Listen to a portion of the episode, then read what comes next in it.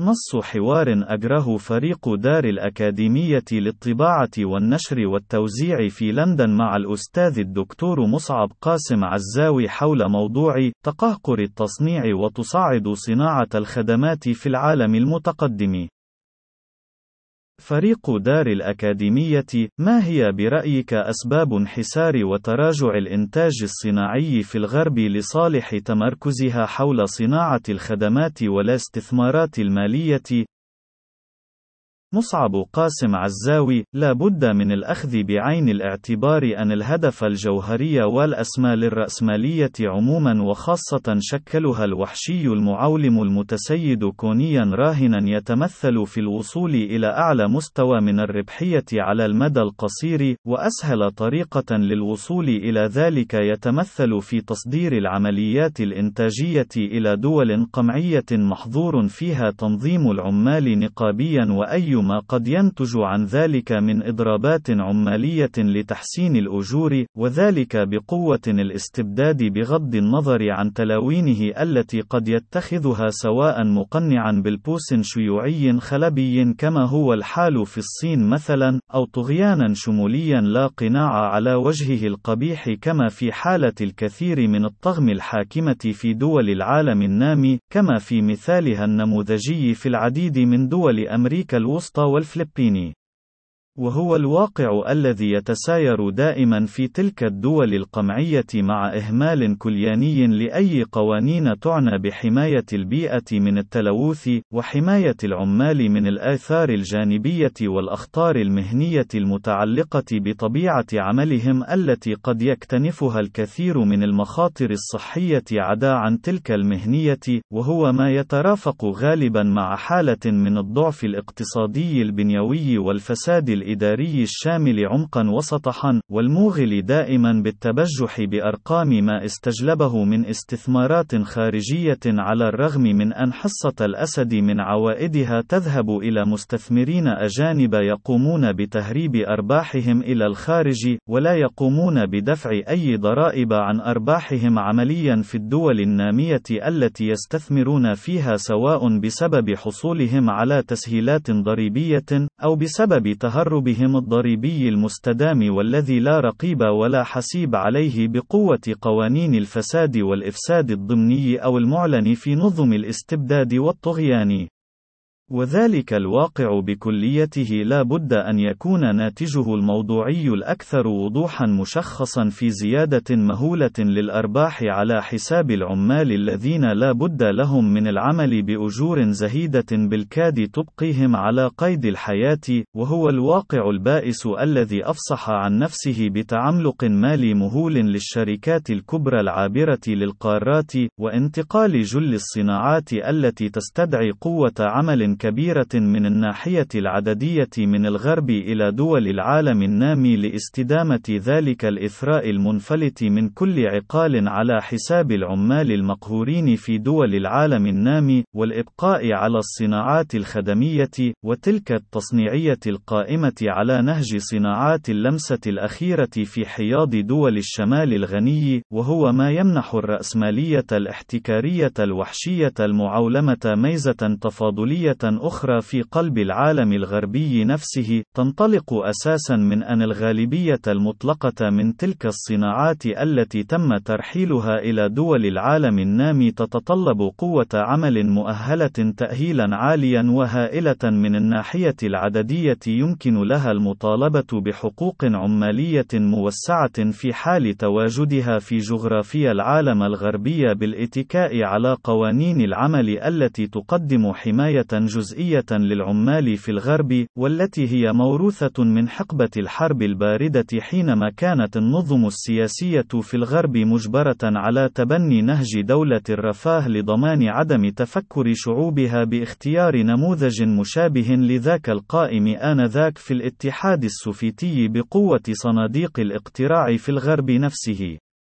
وهو ما يمكن تلافيه والالتفاف عليه كليانيا في سياق ترحيل جل العمليات التصنيعية سوى تلك المتعلقة بصناعات اللمسة الأخيرة من العالم الثري المتقدم إلى فضاء العالم النامي، وذلك بتمكين المشغلين في الغرب من استبدال أي عمال يرغبون في الاتكاء على القدرات النظرية للديمقراطية الشكلية في تلك النظم، كما هو الحال في محاولة الإضراب لتحسين الأجور، أو السعي للانتظام في اتحادات نقابية مستقلة وفاعلة تدافع عن حقوق العمال المالية والمهنية والصحية وغيرها، إذ أن الغالبية المطلقة من عمال صناعات الخدمات وصناعات اللمسة الأخيرة لا يحتاجون إلى تأهيل رفيع كما هو الحال في الصناعات الإنتاجية وخاصة تلك الدقيقة منها، وهو ما يرفع الكوابح عن أي سلوك ارتكاسي قد يقوم به أي مشغل حين يتخذ قرارا بإنهاء العلاقة التعاقدية مع أولئك العمال المضربين أو المنتظمين في اتحادات نقابية فاعلة بأي حجة كانت يسمح له القانون بالنفاذ منها، لاستبدالهم بعمال آخرين جدد لا يحتاجون لكثير من التدريب والتأهيل والأكلاف المترتبة على ذلك لإدماجهم في مواقعهم الوظيفية الجديدة، وهم الذين لا بد أن يفهموا شروط معادلة استمرارهم في عملهم القائمة على السكوت والقبول بكل الشروط والأجور التي يعرضها مشغلهم عليهم، وإلا تم استبدالهم بغيرهم.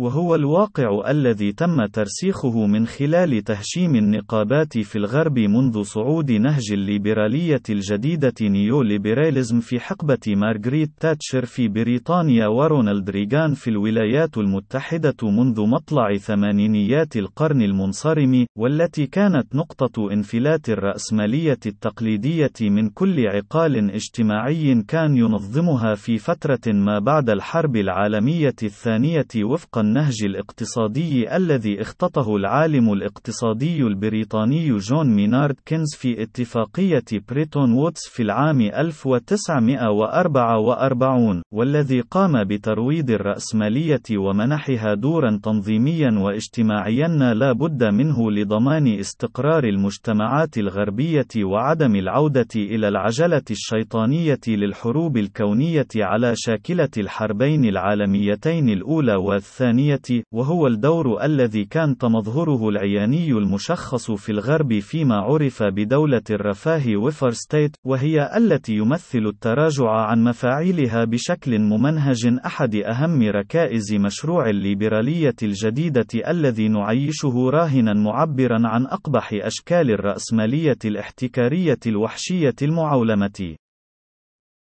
واستبدال الموقع الاقتصادي للقطاعات الإنتاجية في الغرب بقطاعات خدمية تتمركز أساسا حول الخدمات المالية والمصرفية ينطوي في تكوينه البنيوي والوظيفي على تخليق ذلك المنفذ الذي سوف تتسرب إليه كل الثروات المنهوبة والمسروقة من العالم النامي فسادا وإفسادا، والتي لا بد من تهريبها إلى الخارج لأجل إخفائها وغسيل طبيعتها ذاتها القذرة، والتي ليس هناك أفضل من المؤسسات المالية القائمة في الغرب، وخاصة في المراكز المالية الكبرى في الولايات المتحدة وبريطانيا وألمانيا للقيام بذلك. وهي الأموال المسروقة التي لا بد أن تبحث عن أي سبيل للاحتفاظ الآمن بها، ومقاومة تآكلها عبر التضخم الذي لا يقل عن 2% سنويا عند الاحتفاظ بها بأي من عملات التبادل العالمي وعلى رأسها الدولار الأمريكي، والسبيل الأجدى لذلك هو الانغماس أكثر في العلاقة مع تلك المؤسسات المالية العملاقة في الغرب نفسها، عبر استثمار تلك تلك الأموال المنهوبة والمسروقة من دول العالم الثالث عن طريقها بشكل آمن يحافظ، والذي أفضل خياراته يتمثل في الاستثمار في الدين العام لدول الأقوياء وسندات خزائنها الحكومية، حيث أنها الدول الأكثر استقرارا من الناحية النظرية على المستوى الكوني، وهي الديون التي تقوم البنوك المركزية في تلك الدول ممثلة بالاحتياطي الفيدرالي في الولايات الولايات المتحدة، وبنك إنكلترا في المملكة المتحدة، والبنك الأوروبي المركزي في أوروبا التي تمثل ألمانيا قاطرتها شبه الوحيدة بشراء تلك الديون الحكومية،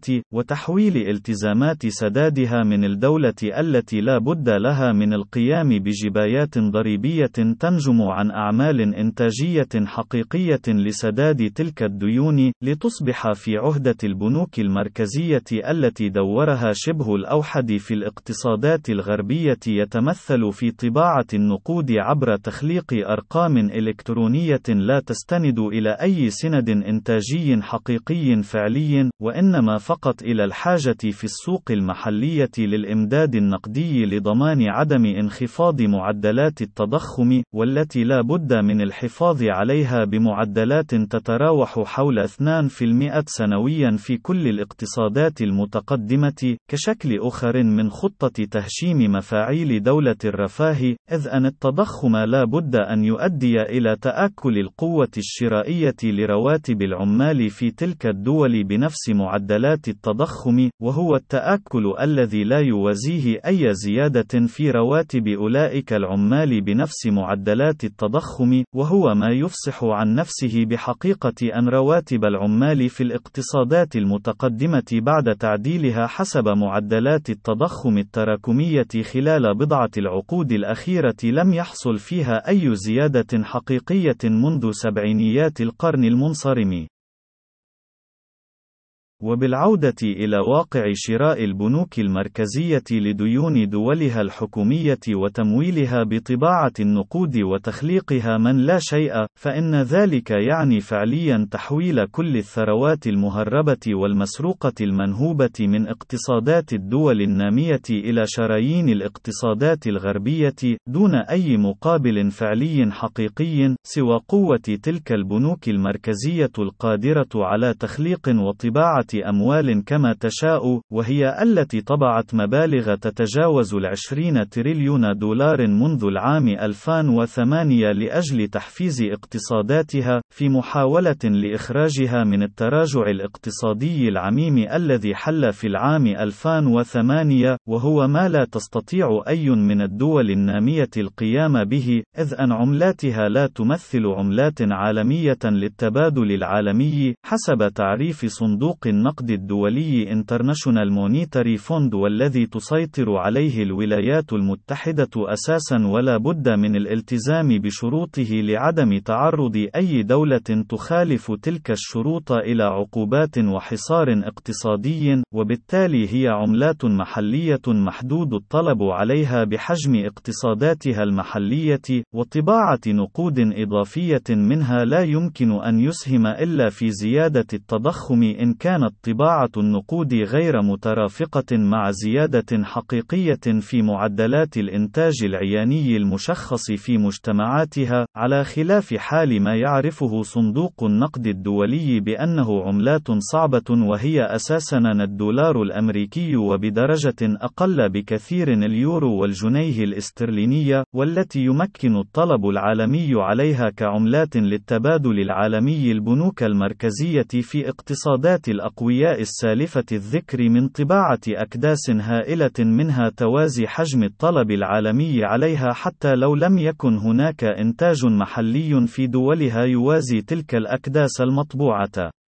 وهو الواقع البائس الذي يعني قيام القطاعات الخدمية المالية في الغرب بسرقة ممنهجة ومقنعة لثروات الدول النامية ومبادلتها بأرقام يتم تخليقها في حواسيب تلك البنوك المركزية دون أي سند إنتاجي لها سوى ذلك المتعلق بفوات النظام الاقتصادي العالمي الذي دوره الوظيفي الأول هو ترسيخ هيمنة الأغنياء على الفقراء، وزيادة ثرواتهم على حساب المفقرين الذين يزدادون فقرا باضطراد حتى أصبح بضعة أشخاص من أثرياء العالم الغربي يملكون ثروات تعادل نصف ثروات الكرة الأرضية بحسب تقرير منظمة أكسفام الأخير عن التفاوت الاقتصادي العالمي المريع.